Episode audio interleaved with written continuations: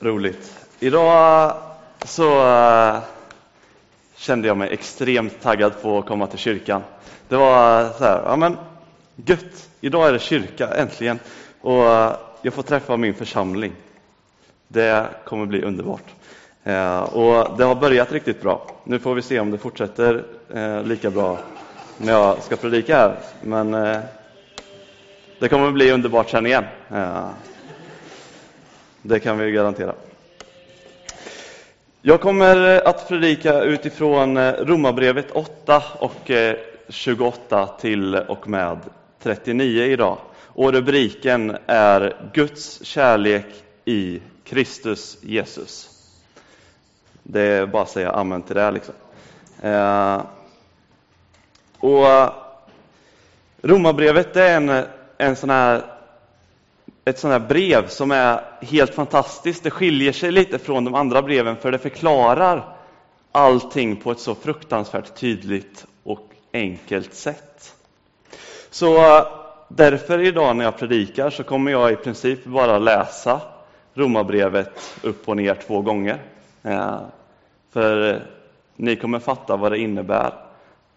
Och jag tror att det är att jag inte behöver säga mer. Liksom. Det är Paulus som, som skriver det och jag räknar Paulus som, som tidernas största teolog inom den kristna kyrkan. Och så ska jag komma någonstans och säga någonting mer än vad Paulus redan har sagt i den här texten. Och det känner jag mig inte riktigt värdig till, eller jo, det gör jag, men eh, jag tänker i alla fall att det är så tydligt så vi behöver inte, jag behöver inte göra det. Men eh, vi börjar med att, att läsa texten helt enkelt. Eh, så eh, får ni se vad jag snackar om.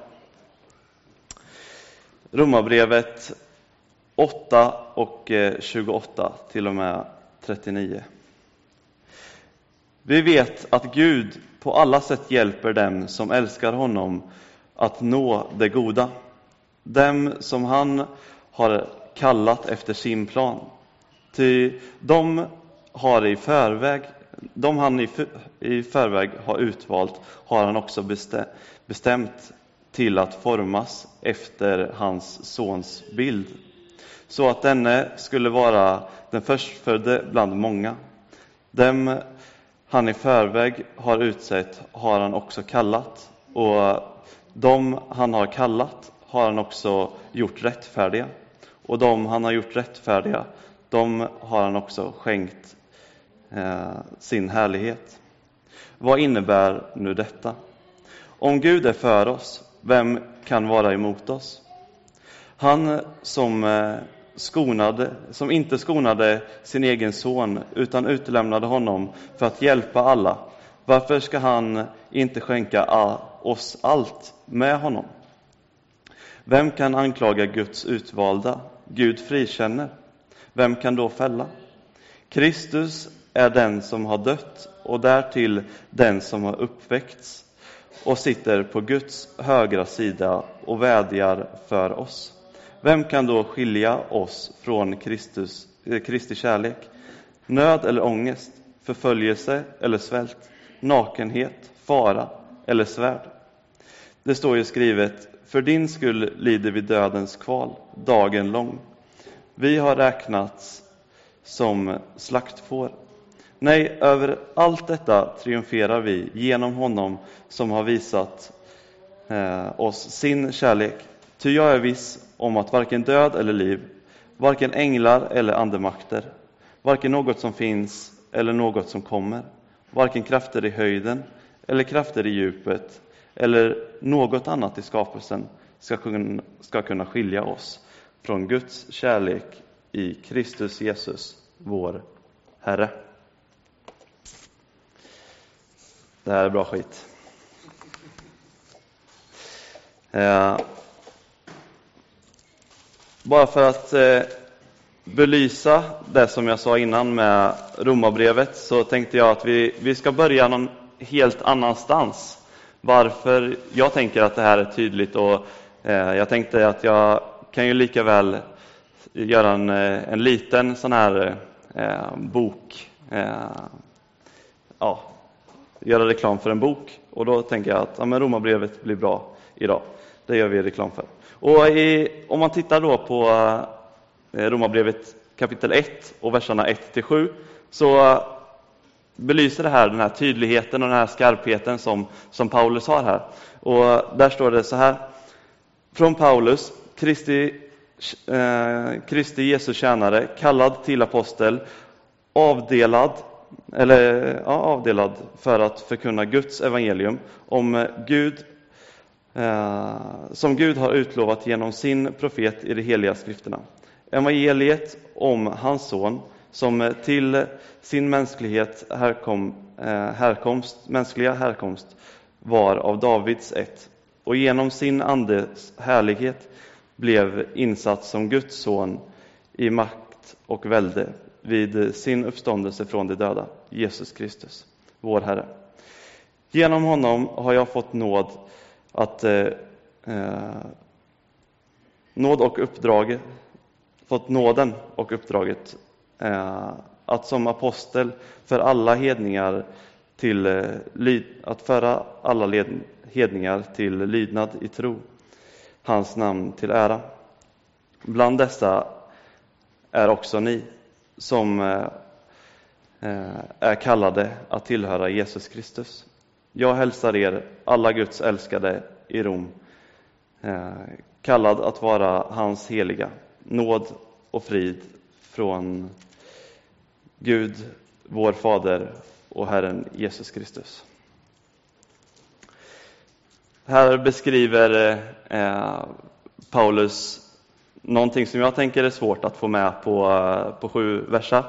Han, eh, han beskriver eh, varför han är Jesus tjänare. Han eh, beskriver varför Jesus är Guds son och eh, han Eh, beskriver att, att det budskapet som Jesus har är till alla. Eller eh, han skriver till romarna, eh, eller till er romare, eh, men, med det menar han med alla eh, människor. Liksom. Eh, och där finns vi med. Eh, liksom. Och eh, att få med det här på sju versar, det anser jag inte vara enkelt. Och I alla fall när man gör det så tydligt, tycker jag. Och i, i eh, kapitel 6 och eh, vers 19 så, eh, så skriver Paulus så här. Jag väljer en mänsklig bild med tanke på er mänskliga otillräcklighet. Paulus är alltså medveten om att vi som människor är, är inte helt felfria. Vi har våra fel och vi har våra brister. Och därför det är just därför som, som Paulus väljer att skriva det så här enkelt, så tydligt som han gör det. Eh, för att vi ska kunna förstå som enkla och, och eh, felaktiga människor, eller ja, så, men ändå tänkta från Gud. Liksom. Eh, vi gör våra fel och det belyser Paulus och han vill att vi ändå ska förstå. Gud vill att vi ändå ska förstå. Och eh, det gör Paulus kapitel efter kapitel i Romarbrevet. Förklarar och, och förklarar med nya förklaringar. Eh, som, eh, och ställer frågeställningar med nya frågeställningar för att vi ska kunna förstå det som, det som sägs. Och det är just det som händer i, i kapitel 8 när Paulus då förklarar Guds kärlek genom eh, Jesus. Och eh, det är där vi ska få ta en närmare titt på eh, nu. Och jag blev så fascinerad när jag valde eller tittade på den här texten att jag såg några punkter där, där jag ville trycka lite extra på, som fascinerade mig och som, som blev en, eh, ja, men en, en, blev en liten eh, nytändning i, i min kristna tro. Eh, och eh, den här vetskapen om att, att jag ligger i, i Guds händer och att Gud han eh, älskar mig eftersom jag älskar honom och han vill gott för mig. så som det står i, i vers 28, så står det så här. Vi vet att Gud på allt sätt hjälper dem som älskar honom att nå det goda, dem som han har kallat efter sin plan. Och det här att hjälper dem som älskar honom eh, att nå det goda. Det tänker jag är, är häftigt. Han hjälper oss att, att göra gott, att förmedla det goda.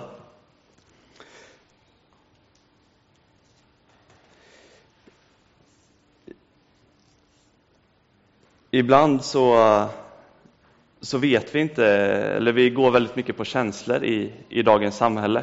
Och eh, man brukar säga det, ja, men gör det som är rätt för dig. Eh, gör, gör inte något som, som eh, du inte känner för.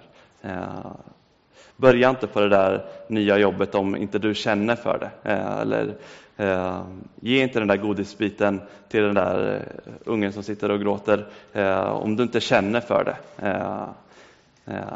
Och, eh, eller om, om du vill belöna dig själv mer, eh, liksom, då, då kan du ta godisbiten. Det är helt okej, okay, eh, för att det, det, är dig det handlar om. Liksom. Det är utifrån dig det, det händer. Liksom. Eh, och det blir väldigt självcentrerat och man eh, kan hamna i någon form av egocentrism, eh, som jag har förstått att det heter. Eller eh, jag googlade fram det på Wikipedia. Eh, och, och Det här innebär att man, man blir Eh, man fokuserar på sig själv hela tiden och utgår ifrån från sig själv. Och Jag tänker att när vi har Jesus med i våra liv så eh, handlar inte våra liv om oss själva längre, utan det handlar om, om vad Jesus vill. Eh, vad han har eh, att säga och vad han vill göra. Och eh, Då är det så gott att veta att ja, men, det som Jesus vill, det är att göra gott. Och eh, då får jag vara med och göra gott eftersom jag följer Jesus och jag vill ju göra det som Jesus gör. Och eh, så kan man fortsätta det resonemanget. Så eh, vi får också en, en vetskap om att, att Gud, han vill göra gott och det får vi vila i och bara vagga i. Eh, så här, som man vaggar ett litet barn så får vi eh, vagga i, i Guds famn i att han vill gott för oss. I eh, vers 30, 31 eh, tror jag att vi ska komma till nu, så eh, står det så här. Vad innebär nu detta? Om Gud är för oss, vem kan då vara emot oss? Det, jag tänker att det finns två sidor på det här svaret. Det ena är att ingen kan vara emot oss. Men eh, det andra svaret kan också vara att alla är emot oss. Och eh, jag tänker att alla kan vara emot oss för att vi är ju med, med Gud och Gud vill gott. Och Bibeln och Jesus och Gud. Och eh, jag tror att ni också kan vittna om att det finns ondska i, i världen. Och ondska och godhet går ju inte ihop. Så de krockar ju någonstans. Och eh, då borde det vara så i min logik att ondska är emot godhet. Och eh, därför så är ondska emot Gud, eller emot oss. För att vi tror ju på Gud, och då så blir någon emot oss, eller? Men eh, Paulus han fortsätter i eh, vers 33 och så ställer han eh, den här frågan, eller de här frågorna. Vem kan anklaga Gud, eh, Guds utvalda? Gud frikänner. Vem kan då fälla? Och här tänker jag att vi har svaret på vilken av alternativen som vi, vi ska välja. Eh, på första frågan, på vem kan vara emot oss. Att, att ingen, ingen kan vara emot oss eftersom Gud är för oss. Och eh, jag tänker att det är det blev så för att Jesus tog ju allting på sig när han dog och uppstod på korset. Och eh, där så, eh, så ställer han sig framför oss. Och när vi följer Jesus så gör vi det genom att stå bakom. För som eh, jag predikade om för några veckor sedan så, eh, så eh, är eh, ja, men i, i Bibeln så pratar man mycket om, om får och eh, hur man vallar dem. Och då så går herden före och inte efter när han vallar, utan herden går före och fåren följer efter. Och då så är tanken att herden ska gå före för att skydda mot lejon och eh, andra rovdjur, vargar och sådana saker som, som ska ta, ta fåren då, eller rövare eller liknande. Och då så går han före och tittar i buskarna så, här, så att det inte är, farligt. Och det tänker jag är, är en del till svaret här, att, att Gud går före oss och han tar och blockar allting. Som eh, David läste i, i Saltaren att, att det är en sköld, att Gud är en, en sköld och, som går framför oss och skyddar oss. Liksom. Eh, och där eh, är vi liksom. Så ja, vem kan, vem kan vara emot oss? Alla kan vara emot oss, men de är ju framförallt emot mot Gud. Och eh, därför är inte någon emot oss, eh, tänker jag. Eh, för att det är Gud som tar, tar det på sig, liksom. och vi behöver inte känna det ansvaret, den bördan på våra axlar. Liksom.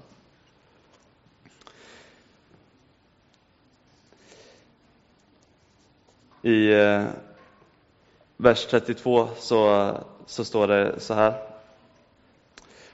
Han som inte skonade sin egen son utan utelämnade honom för att hjälpa oss alla.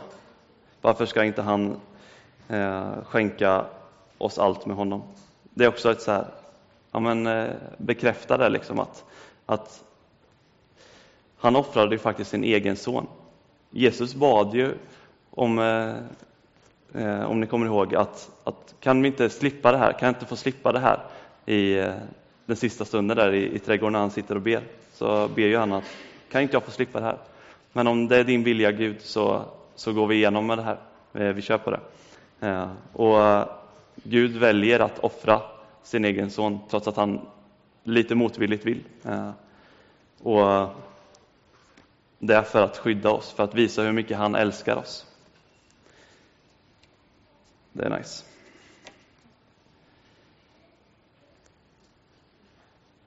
I, eh, i vers 35 så, så står det så här. Vem kan då skilja oss från eh, Kristi kärlek?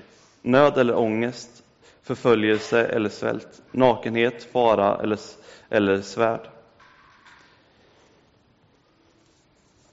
Och sen så fortsätter det i, i vers 37 och eh, va, nej, över allt detta triumferar vi genom honom som har visat oss sin kärlek. Han som, han som har visat oss sin kärlek. Ty jag är viss om att varken död eller liv, varken änglar eller andemakter, varken något som finns eller något som kommer, varken krafter i höjden eller krafter i djupet eller något annat i skapelsen ska kunna skilja oss från Guds kärlek i Kristus Jesus, vår Herre. Och eh, här får vi landa, att ingenting kan skilja oss från Guds kärlek. När vi älskar Gud så älskar han oss tillbaka så oerhört mycket mer än vad vi någonsin kan älska honom. Och eh, som, eh, som det står beskrivet så offrade han sin, sin egen son och, och eh, ja, han finns där för oss hela tiden och han vill att vi ska få komma till det goda, att vi ska få göra det goda. Och det är fantastiskt. Så eh, för att, an, för att avrunda lite så uh, tänker jag så här. Det finns ju ett, ett val. Och du, eh, om du väljer att tro på, på Gud så uh, står du på en stadig grund. Men du kan också välja att inte tro på Gud. Men om du väljer att tro på Gud så står du på en stadig grund när det stormar runt omkring dig. Eftersom eh, du vet att Gud älskar dig och att han vill hjälpa dig att nå det goda. Detta har han bevisat genom eh, det största och finaste som eh, man kan göra. Han offrar sig, han offrar sin son för dig och mig så att ingen kan anklaga oss och så att vi kan nå det goda, så att vi kan nå himlen. Tack vare Guds enorma kärlek genom Jesus Kristus.